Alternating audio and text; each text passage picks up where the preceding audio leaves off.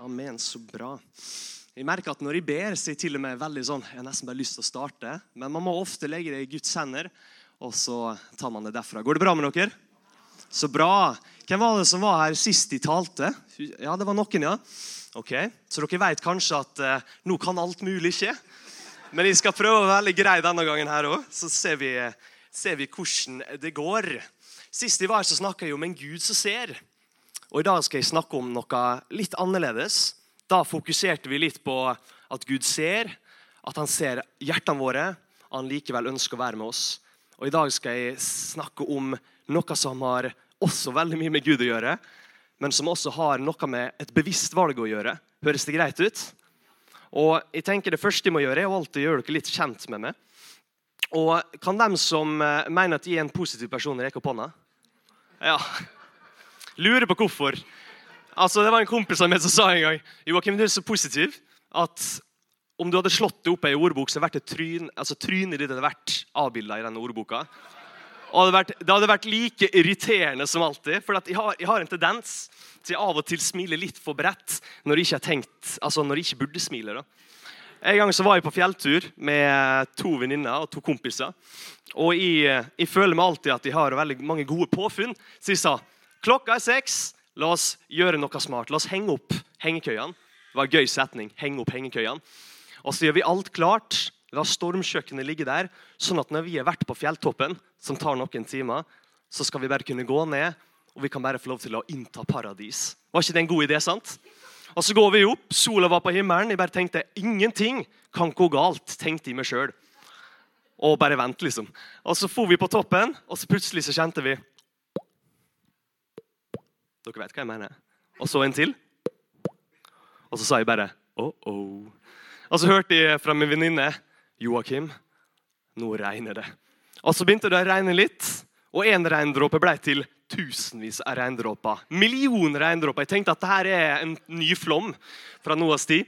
Og Så begynte det å regne, og så måtte vi spurte ned. Vi spurte i én time. Jeg vet ikke om jeg vil kalle det spurt. Jeg spurte i hvert fall. De krøyp. Men uansett, når vi hadde kommet ned til hengekøya, så var den så fylt av vann at det så ut som et boblebad. Det så i hvert fall ut som noe. Sekkene, klærne, alt var søkkvått. Og jeg hørte allerede halvveis på turen at de sa Åh! Og De grynta, de var sinte, hørtes litt ut som en dinosaur. Jeg holdt min avstand. Og så sa jeg noen veldig farlige ord når vi sto der. Alt var vått, så sa jeg Hør godt etter. Ja, ja, ingen ble skada, da, sa jeg. Og mens jeg sa det, har dere opplevd dere sier noe, så tenker dere to sekunder etterpå jeg burde aldri ha sagt det. Dette var en av de gangene, for da hørte jeg bare et klask i bakhodet mitt. Stille med det nå, Joakim, sa de. Så tenkte jeg ok, greit. Ikke alltid lurt å være så positiv. i det hele tatt. Har dere opplevd det før, at dere har sagt noe så dere angrer? Rekk opp hånda. Der, ja. Mm. Jeg hørte baklengs. Ja. Det er bra vi er enige. Men det er én ting jeg sliter med å være positiv på, og det er å pakke inn gaver. Hvem er det som liker å pakke inn gaver her? Der, ja. Det er mange flere som ikke liker det, tror jeg. Jeg føler av og til det at Når jeg skal pakke inn gaver, så er det som et uh, maraton. Er dere med på hva jeg snakker om? Altså Det er som et femmilsmaraton ganger ti. Jeg blir helt utslitt. Jeg bruker ofte å spare alle presangene med pakkene min før en halvtime før vi skal begynne å åpne pakka under juletreet. Og Det gjorde jeg i år med å slå rekorden. Det var et kvarter før. Og Jeg tenkte bare at nå skal jeg slå en rekord.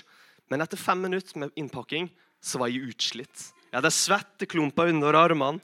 Jeg måtte bytte klær, tenkte jeg. Jeg måtte dusje til og med før vi skulle inn dit, sånn at ingen skjønte at de hadde vært på en skikkelig treningsøkt. Men Gud ga meg kraft, og jeg fikk det til likevel. Og mens jeg står der, så var jeg bare sånn Gud, du er god. Gud, du har virkelig det å kunne møte meg i lidelsen min. Og mens jeg, mens jeg så på alle pakkene og var litt sånn smått stolt, så ser jeg bare og tenker Oi sann, Alt var innpakka i samme gavepapir. Og det var ikke noen lapp på noen av dem. Og mens vi står der, så bare klør meg i hodet og tenker Må jeg virkelig? Så går jeg bort og sier sånn Denne er til mor, kanskje? Ja.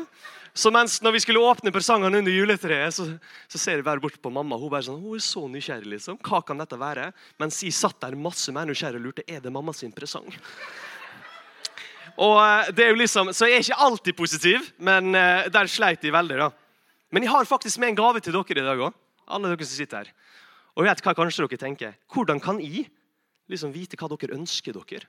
Burde man ikke kjenne en person ja, på et visst dybde for å vite hva de ønsker seg? Jeg kan ikke kjøpe kaffe til alle her. Alle liker ikke kaffe. Jeg kan ikke kjøpe te. Jeg mener at folk ikke burde drikke te. men... Nei, nei, tulla. Jeg tuller. Var det bra? Det er bra. Ja. Amen. Nei, jeg tuller. Men uansett Ja, ikke, altså der, ja. Strikketøy til kvinnene, i hvert fall. Og så kan mennene få jeg vet ikke, ja, noe annet. Uansett. Men vi burde kjenne hverandre når vi kjøper gaver. Men vet dere hva? En, jeg har med en gave til alle dere i dag. Det er samme gave.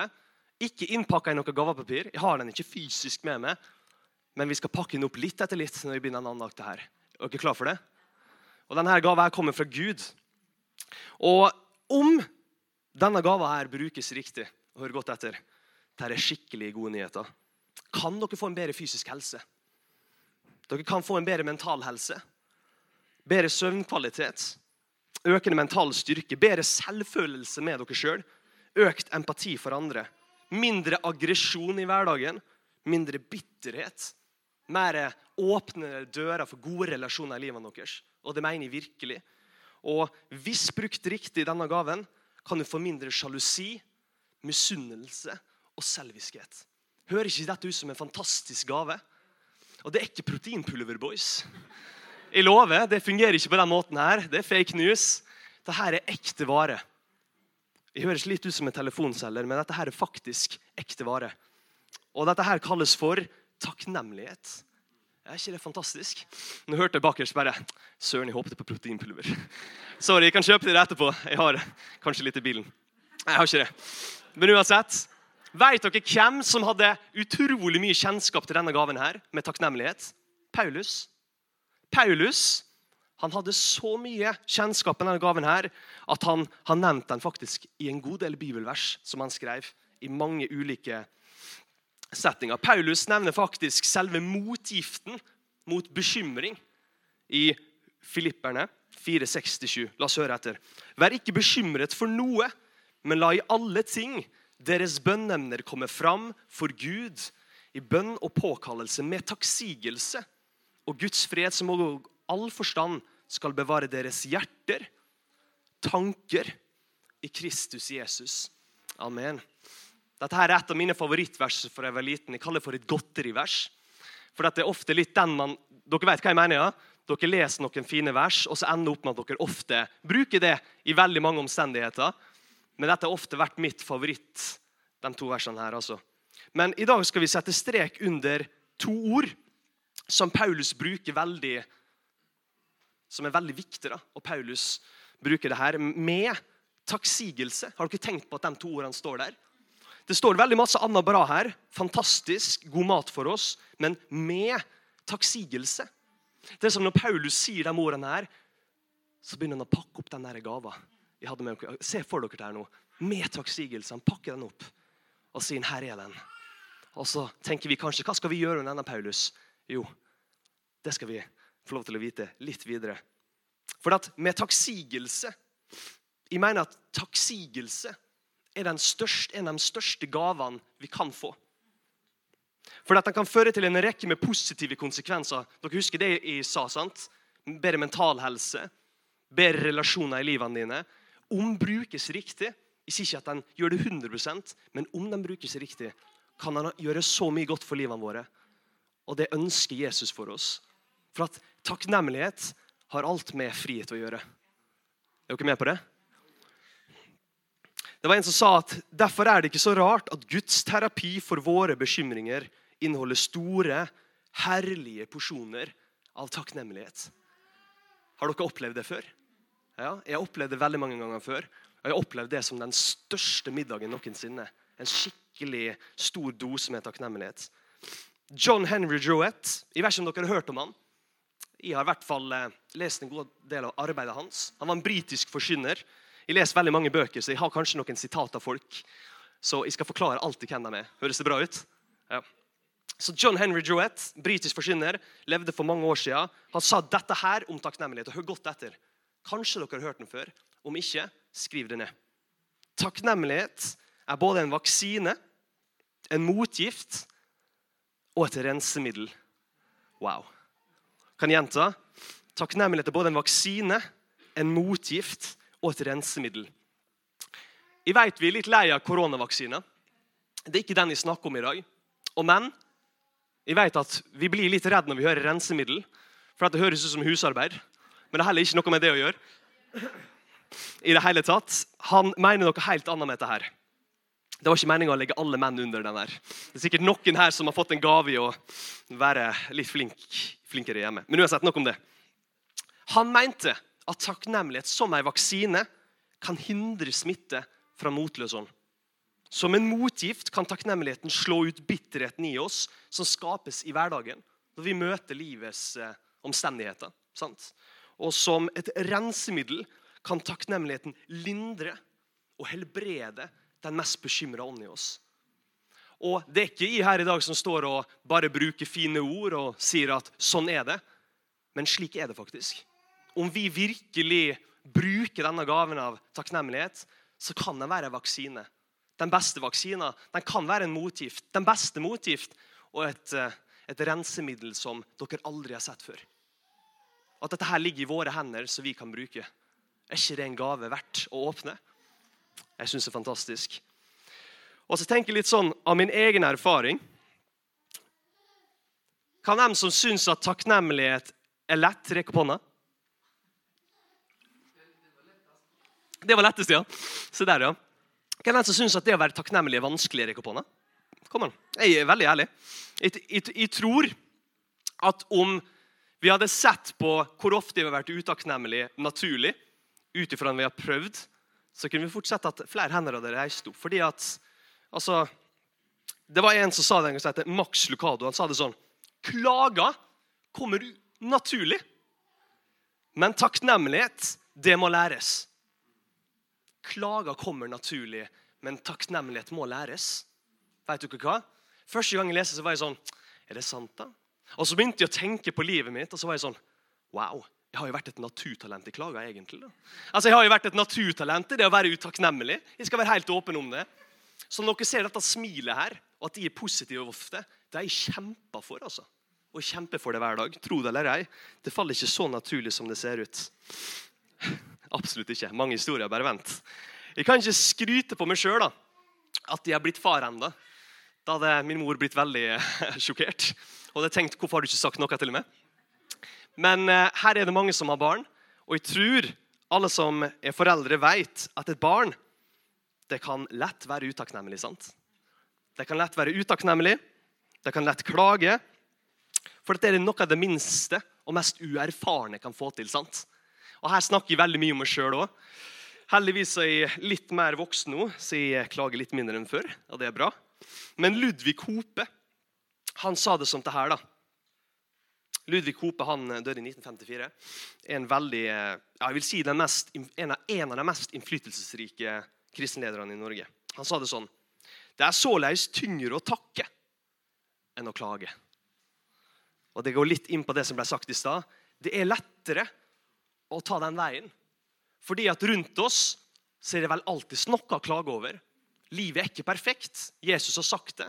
At det kommer ikke til å bli perfekt. Så om vi alltid tar den lette utveien, så vil vi kunne klage dagen lang. Vi.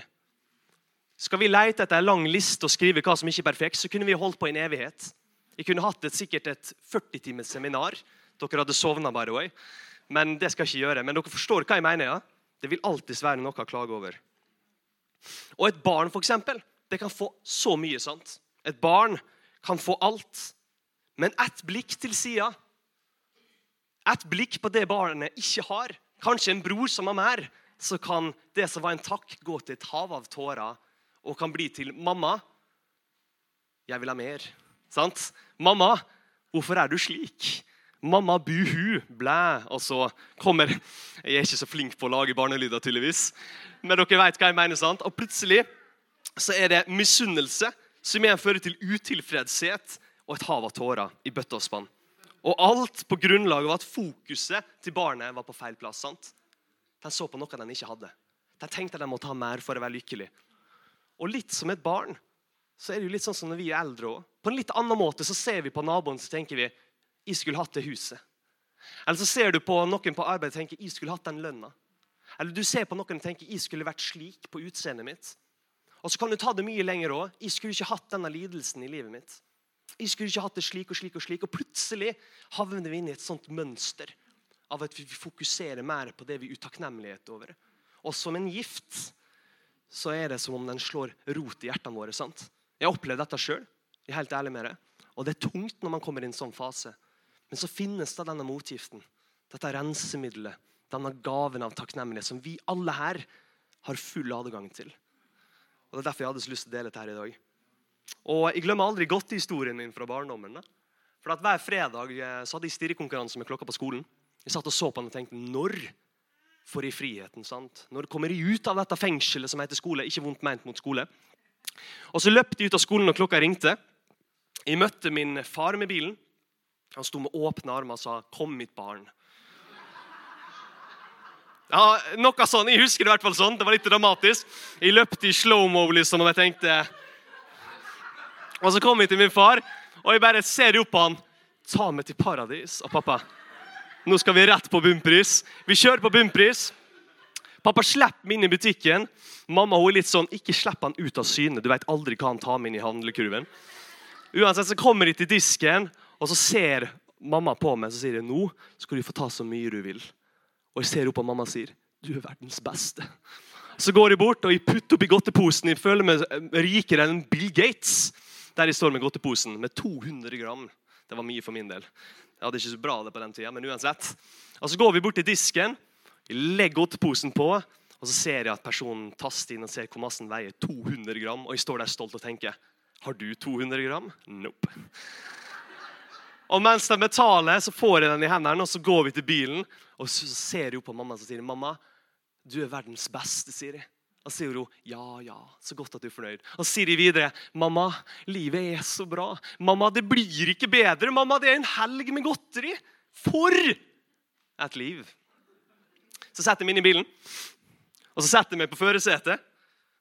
Og så åpner jeg godteposen. Akkurat når jeg skal ta en bit sjokolade, så gjør jeg det dummeste jeg kan. Jeg ser bort, og der sitter min bror, og han har dobbelt så mye som meg. Og hva er det som skjer da? Fem minutter seinere altså gulvet fylt med tårer. Og jeg roper til mamma, 'Mamma, mamma, mamma, hvorfor har han mer enn meg?' 'Mamma, hvorfor har jeg så lite?' 'Mamma, hvorfor er du slik med meg?' 'Mamma, mamma, mamma.' Og plutselig gikk det fra takknemlighet til utakknemlighet. Og alt fordi fokuset mitt det var helt feil. Er dere med på hva jeg sier? Jeg hadde mer enn nok. 200 gram. Jeg hadde aldri klart å spise det opp, men likevel så hadde jeg lyst på mer. Og jeg tror alle her opplever nå i voksenlivet ulike situasjoner der dere har veldig masse. Utrolig masse. Bare se rundt dere her i dag. For en menighet vi har. For en flott forsamling vi har. Bare dette her burde vi bare prise Gud for og takke ham for at alt kommer fra han. Det er ikke mange som har så gode fellesskap. Og dette burde Vi takke ham for. Og Vi har så masse godt i livene våre, men likevel så er det som om utakknemlighet og sånn sniker seg inn på oss. Jeg skulle hatt den bilen. Jeg skulle hatt det huset. Jeg skulle hatt denne bedre kroppen som fungerer bedre. Og Det er ikke for at de skal si at man ikke har det tungt. Det er helt lov å ha det tungt. Men vi må aldri glemme å la takken lyde høyere.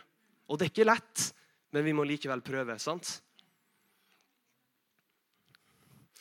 Så jeg tenker det at En av mine hovedfokus i dag er at jeg har lyst til at alle når dere går ut av den døra der, skal begynne på treningssenter. Ble dere litt fokusert? Ja, ok, Hvem er det som går på treningssenter? Woo! Kan du gjøre sånn? Gjør sånn. Å, herlighet. Vi er venner. Vi skal aldri krangle med det. Du hadde gjort sånn, du, og jeg hadde ligget på bakken helt strøk. Men treningssenter er litt sånn Du er dit, du skal bli raskere. Du skal bli sterkere. Og overalt, du skal svette mer. Du skal svette i bøtta spann, og du skal bli en bedre versjon av deg sjøl. Men veit dere hva? Istedenfor at vi skal befinne oss kveld etter kveld blant treningsapparatene og alle gorillafolkene og alt det der. Ikke vondt meint mot folk på treningssenter, men dere vet hva jeg mener. Istedenfor å tenke på at vi skal trene biceps, kjernemuskulatur, triceps og alt det der, kan ikke vi trene en enda viktigere muskel, og det er takknemlighetsmuskelen. Og Vet dere hvorfor de kaller det for en muskel? Og at En muskel må trenes. Og det må den gjøre kontinuerlig. Vi kommer ikke til et punkt der vi er utlært på takknemlighet. Den må alltid, hver eneste dag, trenes. Slutter vi å trene den, slutter vi å være bevisst på at vi skal være takknemlige, så vil vi glemme det. Så vil vi glemme det, og så vil vi plutselig befinne oss med at vi blir mer utakknemlige i hverdagen. Og Det har jeg opplevd sjøl. Og sånn er det med oss alle. Vi er mennesker, vi er ikke perfekte. Men vi kan få lov til å bli mer bevisst på hva vi gjør med tankene våre. Jeg glemmer aldri gangen jeg skulle være veldig takknemlig for en taler når jeg var liten. Når jeg var liten, jeg var rundt, jeg eh, var vel 11 år gammel, så satt jeg alltid bakerst og jeg tok notater. Jeg satt på stolen, jeg var så gira. Jeg forsto nesten ingenting hva taleren sa, men jeg var én ting jeg var klar over. Jeg skulle ta notater. Og etter den der, Det var en kjent taler der, så sto framme så så jeg på mamma. Kan jeg gå opp og takke taleren? Mamma så på meg. Så klart du kan det. Så løpte jeg opp til taleren. Så gikk jeg bort så dro jeg han liksom i armen. Han bare 'Å, god dagen, lille mann'. Og så så vi bare opp på han. 'Du var kjempeflink', sa jeg. Og sa han, 'Ja, men tusen takk. Hva var ditt navn?' 'Joakim Solbakken', sa jeg. Sånn, ja, men Koselig møte deg. Og sa jeg, 'Og jeg må si en ting til'. Og sånn, ok, 'Du var like flink som driten sjøl', sa jeg. Og da var det jeg som hadde klart å jeg prøvde jo å være takknemlig, men jeg hadde lært uttrykket 'dritflink'. Jeg hadde bare stokka litt om på ordene. Så Istedenfor å si du var dritflink, så sa jeg du var like flink som driten sjøl. Og jeg glemmer aldri mammaen min som bare Det var siste gang han skulle være takknemlig på en taler. Men han tok den, og han sa 'Takk, er det fineste jeg har hørt på lenge', sa han. Så neste gang Altså, Han var faktisk i kirka for noen måneder siden. Og Da så han meg, da kom han bort og sa 'Du var utrolig flink'. Vet, vet, du hva han sa da? Jeg var like flink som driten sjøl denne gangen òg. Jeg bare Jeg håpet på at han ikke husker det. Og vet dere hva Poenget mitt er med det her? Altså Av og til så prøver vi å være takknemlige, og så får vi det ikke helt til. sant? Ja, men det er helt sant. Av og til så fokuserer vi på at nå skal vi være takknemlige, og så blir det så slavisk, det blir så lovisk, at vi mister faktisk hele poenget med takknemlighet. For takknemlighet skal ikke være slavisk, det skal ikke være lovisk. Det skal være forankra fullt og helt at vi vet at vi har fått alt fra en. At vi vet at vi har fått alt fra Gud. At vi vet at vi skal sende all takknemlighet til Han. Og det er ikke slavisk. Det burde være det mest naturlige som eksisterer. Men likevel så er det vanskelig. Så nå skal jeg gå litt videre, sånn at vi blir litt flinkere enn det jeg var. Når det til å, sånn at Neste gang noen skal si takk til en taler, så gjør vi det på en litt annen måte. Og så er det litt sånn at Jeg tror at takknemlighet og et lyssinn ikke bare er frukt av medgang, lettflytende dager der alt går bra. For Det er litt sånn lett å tenke nei, men jeg er ikke så takknemlig for tida, for det har vært litt vanskelig. Og, og, det er helt greit. Man skal, få lov til å, man skal få lov til å føle ting. Gud har gitt oss følelser. Og når vi har det tungt, så skal vi få lov til å også kunne ha det tungt. Men når det kommer til takknemlighet, så skal den også få lov til å lyde høyt i den tunge stunda. Og jeg tenker litt det der at, Har dere tenkt på at det er et valg å være takknemlig? I dag vil jeg ikke fokusere på mørket.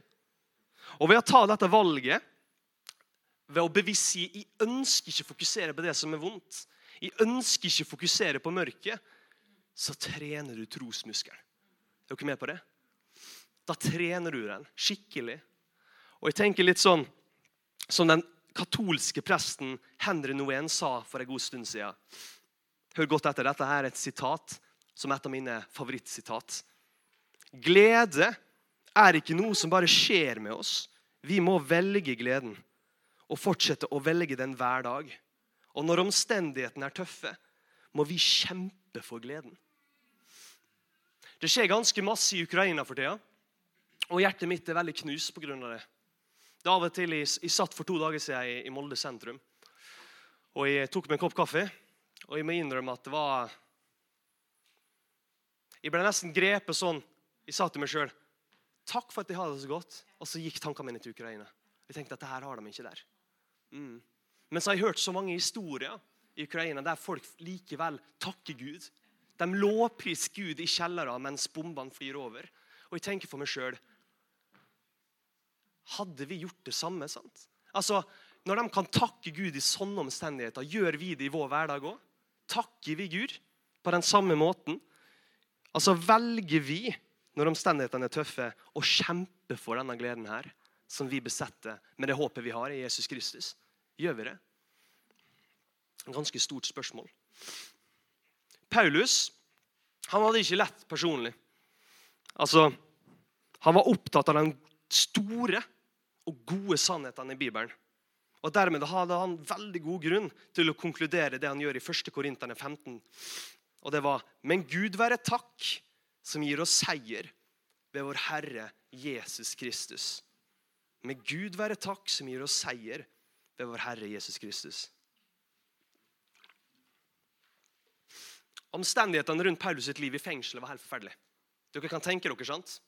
Paulus han var jo blitt en kjendis. Han reiste rundt.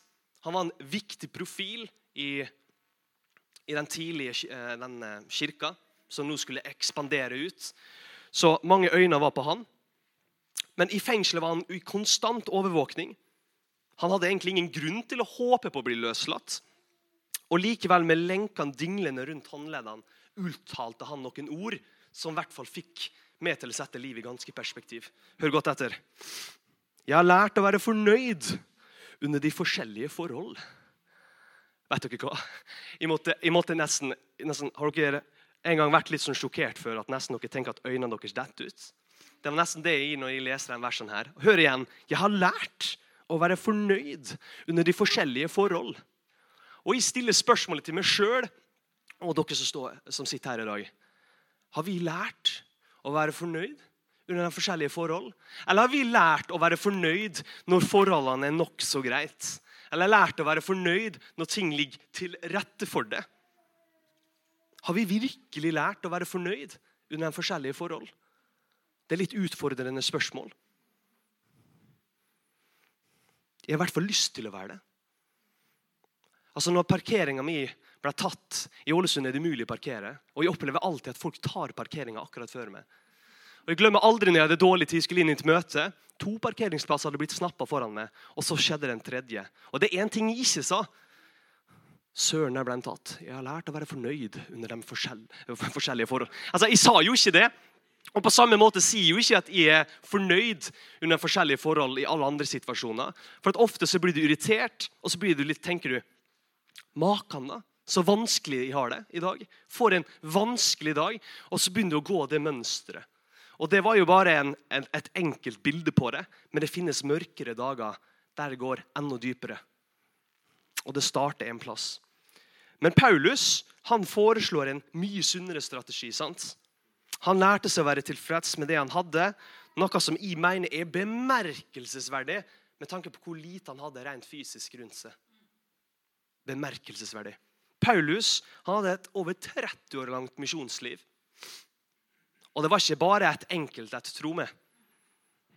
Det var ikke bare fullt av lykke, latter og sang, men mye preget av sorg, fortvilelse og tårer. Tenk først på det at Paulus han hadde et tidligere liv. Han jakta på kristne. sant? Tro det eller ei, han visste at han var tilgitt. Men tror ikke dere at han ofte tenkte tilbake på det? Han var et menneske og jeg, jeg, tror nok at det kunne ha tynga han på noen måter.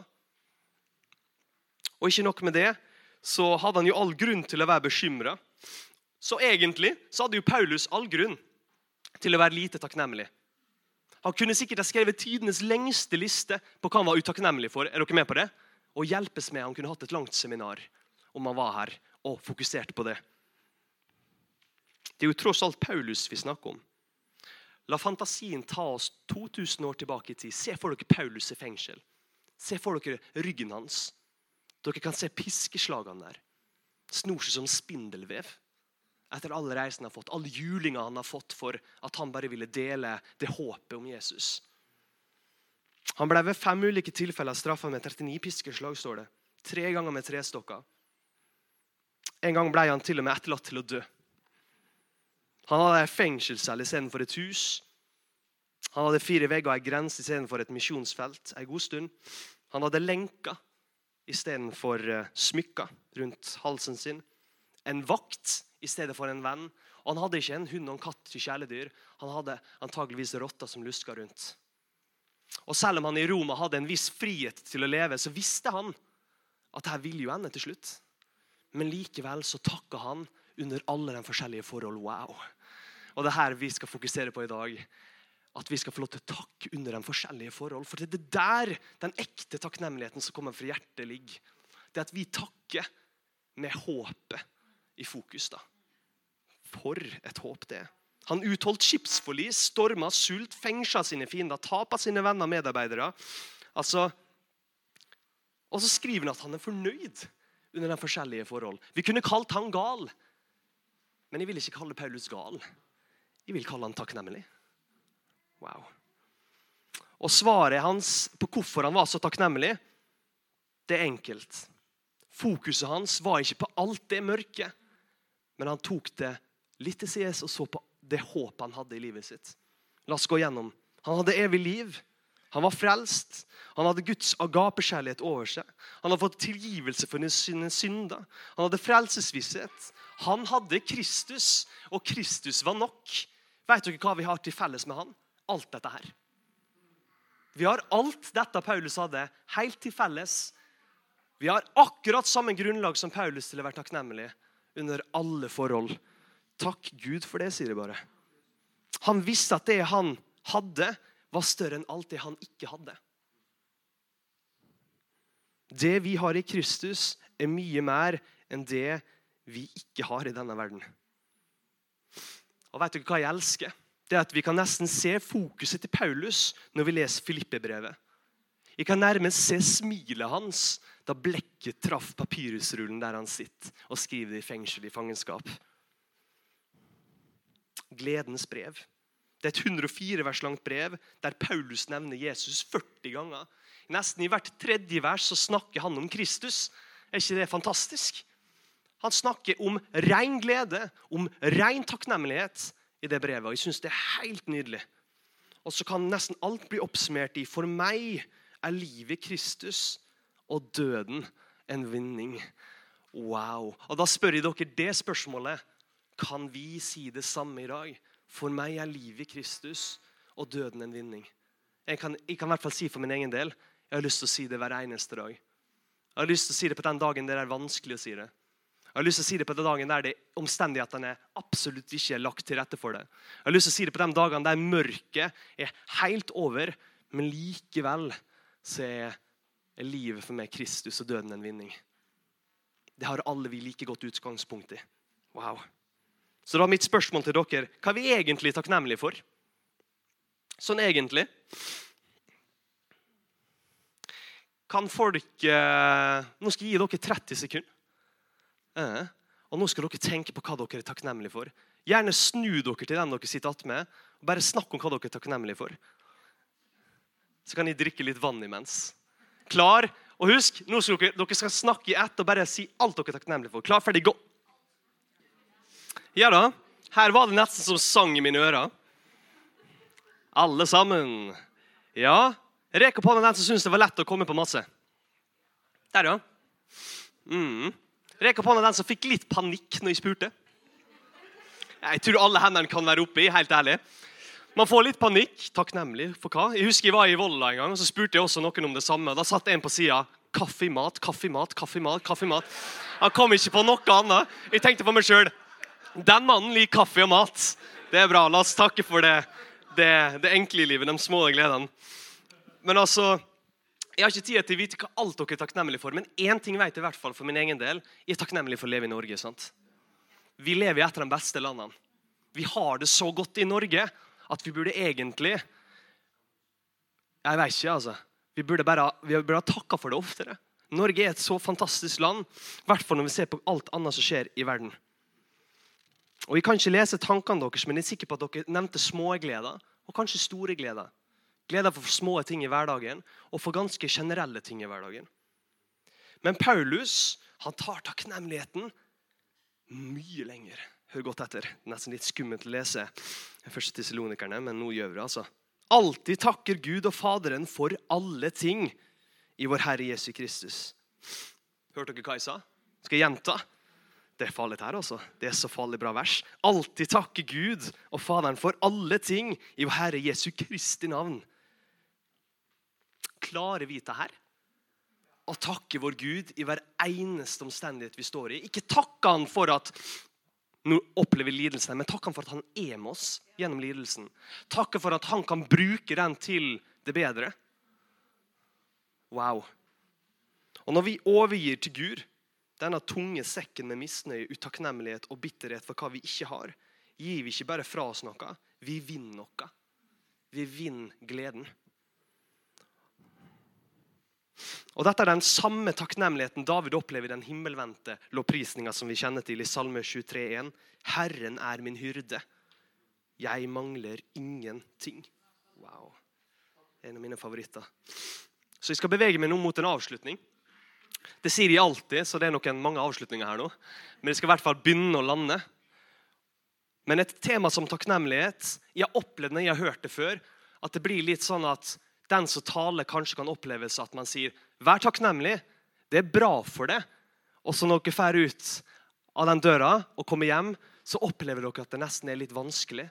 Altså, Du sier vi skal være takknemlige, men Joakim, det er ikke så lett. Jeg har ikke kommet hit i dag for å bare tale lett om takknemlighet. Jeg er ikke den personen, for jeg vet hvor vanskelig det er. Og jeg opplever det stadig bort. For dette temaet som takknemlighet rører ofte med områder av livet vårt som er betent og nå mener jeg det, altså. Betent av dårlig samvittighet. For vi får det ikke alltid til. Anstrengte forsøk på å være from, på å være god nok. Den der loviskheten blir bare liksom sittet i vårt system. Da. Det er nesten om at Når folk ber oss om å vise takknemlighet, får vi det bare ikke til. Det går bare andre veien. sant? Så blir vi utakknemlige for at vi ikke er sterke nok engang. Sant? Men heldigvis så taler Bibelen så nært og konkret om at takknemlighet som en disiplin som vi alle skal øve oss opp i. Den oppriktige takknemligheten vi skal øve oss opp i, den som kommer fra hjertet. sant? Takknemlighet gir oss nemlig øyne som kan oppdage hva Han skaper aktivt gjør i livene våre. Og Nå skal jeg ta en liten epilog. Min ekte avslutning. Ja, nå, nå kommer jeg på en avslutning. Og det er litt det der at jeg kan ikke snakke om dette temaet om takknemlighet uten å nevne de dagene der alt er svart. Dager der du har mistet noen, og du tenker 'Hvordan, Gud, kunne du la dette skje?' Dagene der du kjenner på kroppen din at 'Hvorfor, Gud, er kroppen min slik?' Dager der man, man, man kjenner seg så vanskelig for å gripe takknemligheten at man må bare rope på Gud etter hjelp. Hvordan skal jeg klare, Gud, å være takknemlig? For de vet de dagene eksisterer. Og Jeg har ikke lyst til å snakke lett om det her. Jeg har lyst til å snakke om de dagene også. Vet dere hva mitt håp er på dette? Bibelen er så realistisk på våre menneskelige følelser at den har både klagesanger og takkesanger i denne boka. her. Er ikke det vakkert? Det er rom for personer i Bibelen som roper ut 'Jeg vil fryde meg i Herren'. Og så er det også rom for personer som roper 'Å Gud, å Gud', Hvorfor har du forlatt meg? Gud han ønsker at vi skal komme til han uansett. Gud ønsker ikke oss bare på de dagene der vi er veldig godt humør. Gud ønsker hvert eneste aspekt av våre følelser. Han ønsker hele oss. Og Gud vet at vi har følelser. Han har gitt oss følelser. Han ønsker at vi skal komme til han fullt og helt med dem. Det er rom for klagesalmer, det er rom for jubel. Alle de menneskelige følelsene vi har. Det beskriver Bibelen på en ekte og en virkelighetsnær måte. Er dere med på det? Så aldri vær redd for å rope på Gud. Aldri vær redd for å løpe til Gud. Han kjenner hjertet ditt. Han vet allerede hva du tenker før du har tenkt det. Kom med alt du er. I tillegg til å være takknemlig Når jeg sier 'vær takknemlig', så må du vite at du kan være takknemlig, men samtidig som du er takknemlig, kan du være skuffa, sinna, lei deg, trist, tvilende og frustrert. Det ene utelukker ikke det andre. Hører dere hva jeg sier? Vi er ikke roboter. Gud har ikke skapt oss som roboter. Så jeg kan si, 'Gud, jeg har det så tungt akkurat nå, men jeg skal takke deg i det.' 'Gud, jeg er så bitter akkurat nå på den personen har det jeg ikke har, men jeg vil takke deg likevel for at jeg er her, og du er med meg.' Skjønner dere hva jeg sier? Når vi vet at vi kan, ha, vi kan være begge deler på en gang, da er det lettere å ikke på en måte miste motet på våre fromme forsøk på å være takknemlige. Klage og takk kan komme fra samme hjerte og gjerne til samme tid. Kan jeg få si det igjen? Klage og takk kan komme til samme tid fra samme hjerte. Takkens medvandrere er ofte klager nå. Den kan gå hånd i hånd. Slik hører livet til. Vet dere hva jeg skal dele før jeg avslutter nå? Nå har jeg sagt det igjen. At Jeg glemmer aldri når jeg sto i kirka, jeg gikk inn i kirka, jeg tenkte at jeg skal klare dette. her. Og så Plutselig så jeg kista som lå langst fram i kirka. Og Det var min bestefar, som hadde akkurat uh, dødd bort. Det var akkurat den sommeren før jeg skulle begynne i laget. Og Jeg husker jeg kom inn døra og jeg ser kista. Jeg husker at jeg aldri følt sånn at hjertet mitt gikk oppløsning. Jeg kjenner det er litt vanskelig å fortelle noe, men jeg gjør det likevel.